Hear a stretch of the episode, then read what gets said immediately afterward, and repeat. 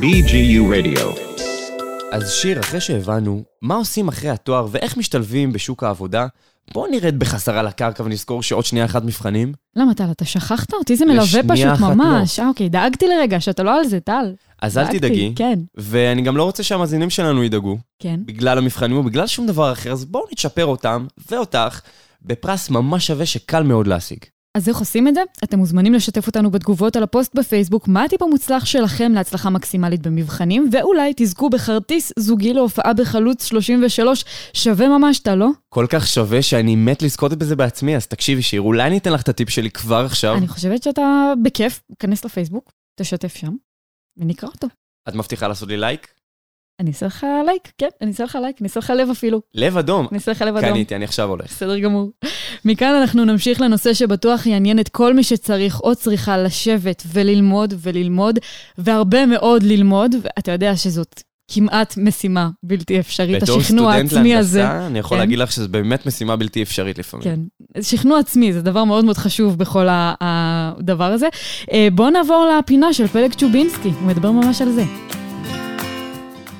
שלום לכולם, ושוב כיף שאתם איתנו. הפעם אנחנו הולכים לדבר על הפרעות קשב וריכוז, ואיך הן משפיעות על דור ה-Y.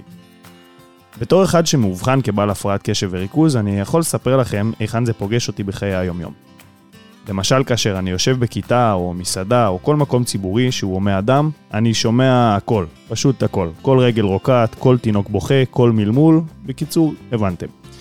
ומעבר לזה יש את העניין של החוסר נחת, שבשיעורים למשל זה משהו שמצריך ממני לא מעט מאמץ כדי להתגבר עליו.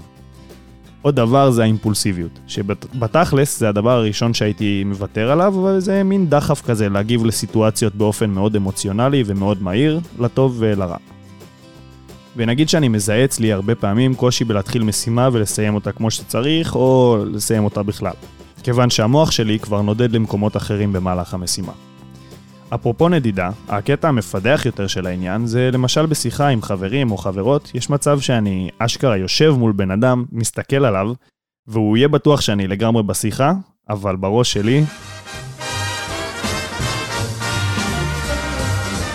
heaven.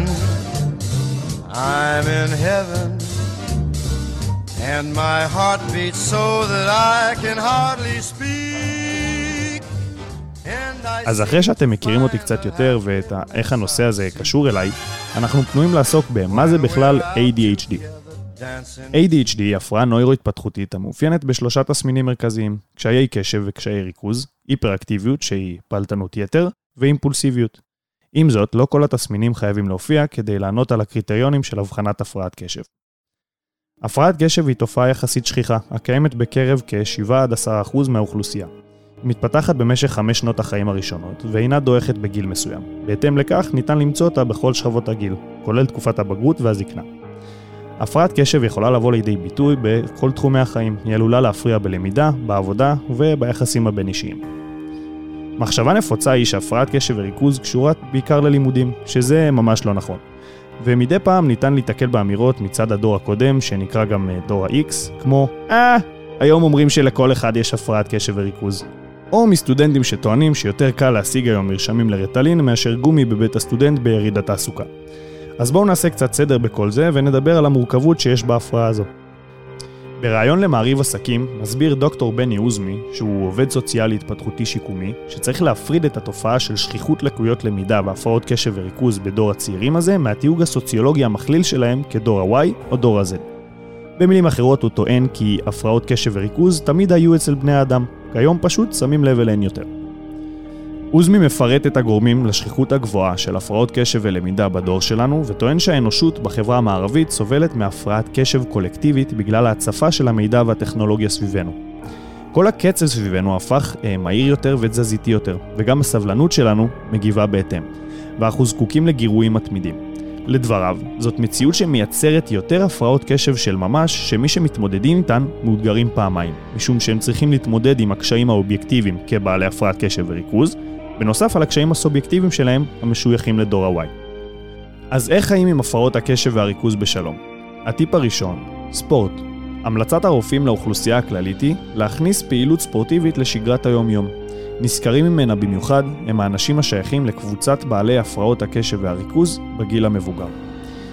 פעילות ספורטיבית, מעבר להיותה בריאה וחיונית לפעילות הגוף, משפרת את ההרגשה הכללית גם על ידי שחרור האנרגיה האצורה בגוף. מלבד שיפור הכושר הגופני, פעילות גופנית תביא לשיפור בדימוי הגוף, שיפור בתחושת הערך העצמי, ומחקרים מוכיחים כי במקרים רבים תביא הפעילות הספורטיבית לשיפור ביכולות הריכוז, המיקוד ובהרגשה הכללית. מסקנה, לא לוותר על אימון גם בתקופת מבחנים. הטיפ השני, רטלין וסוגיו הם אינם מילה גסה.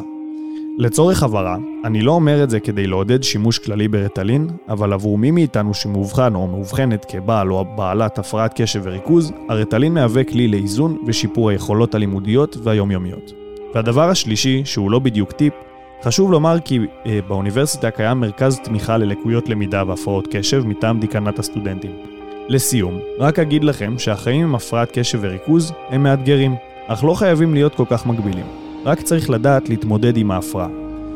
ובנימה זו, אגיד לכולכם וכולכן, שבו על הקוליטה שלכם, ובהצלחה במבחנים. טוב, אין ספק שלפינה הזאת הצלחתי להישאר קשובה, מאוד מאוד רלוונטי. גם אני הצלחתי להישאר קשוב כי היה פשוט מאוד מעניין, אבל שיר, זה הזמן לסגור את התוכנית כי נגמרו התירוצים. חייבים להתחיל ללמוד עוד שנייה מבחנים. אין מנוס, אה? אין מנוס. שאלוהים יעזור לנו. אני מאוד מקווה ש... אני גם מקווה. תודה רבה לכל העוסקים במלאכה, תודה לאורחים ולאורחות שלנו, נערות הקסדה, מעמול, טלי חירותי סובר וכל הסטודנטים והסטודנטיות שהשתתפו. תודה לצוות המוכשר שלנו, נוי תורתי, פלג צ'ובינסקי, זוהי שוורץ, לענבר ליובין מדוברות האגודה הסטודנטיאלית על ההפקה ועריכת התוכן, וכמובן לאופיר לוגסיו, לבוזי רביב מרדיו BJU על התמיכה הטכנית ועזרה בעריכה. תודה רבה לכולם, ולא נסיים לפני שנגיד שאם יש לך או לך רעיון ובא לך או בא לך לשתף אותנו, אנחנו תמיד זמינים בעמוד הפייסבוק של האגודה הסטודנטיאלית, ולא נסיים לפני שנזכיר שאפשר לשמוע את התוכנית שלנו בערוץ הפודקאסטים של רדיו BGU. לכן, חפשו את הערוץ BGU רדיו בספוטיפיי, אפל פודקאסט, גוגל פודקאסט ועוד. רק נזכיר שיש שם תוכניות מאוד מאוד מעניינות שהוקלטו לאחרונה על ידי סטודנטים וחברי סגל של האוניברסיטה. טל שחר, תודה רבה לך, בהצלחה במבחנים. תודה רבה גם לך, שיר מאיר, שיהיה בהצלחה. שיעבור בשלום, אמן, אינשאללה. אמן. להתראות לכם, אנחנו נשתמע, יאללה ביי. ביי ונתראה בתוכנית הבאה.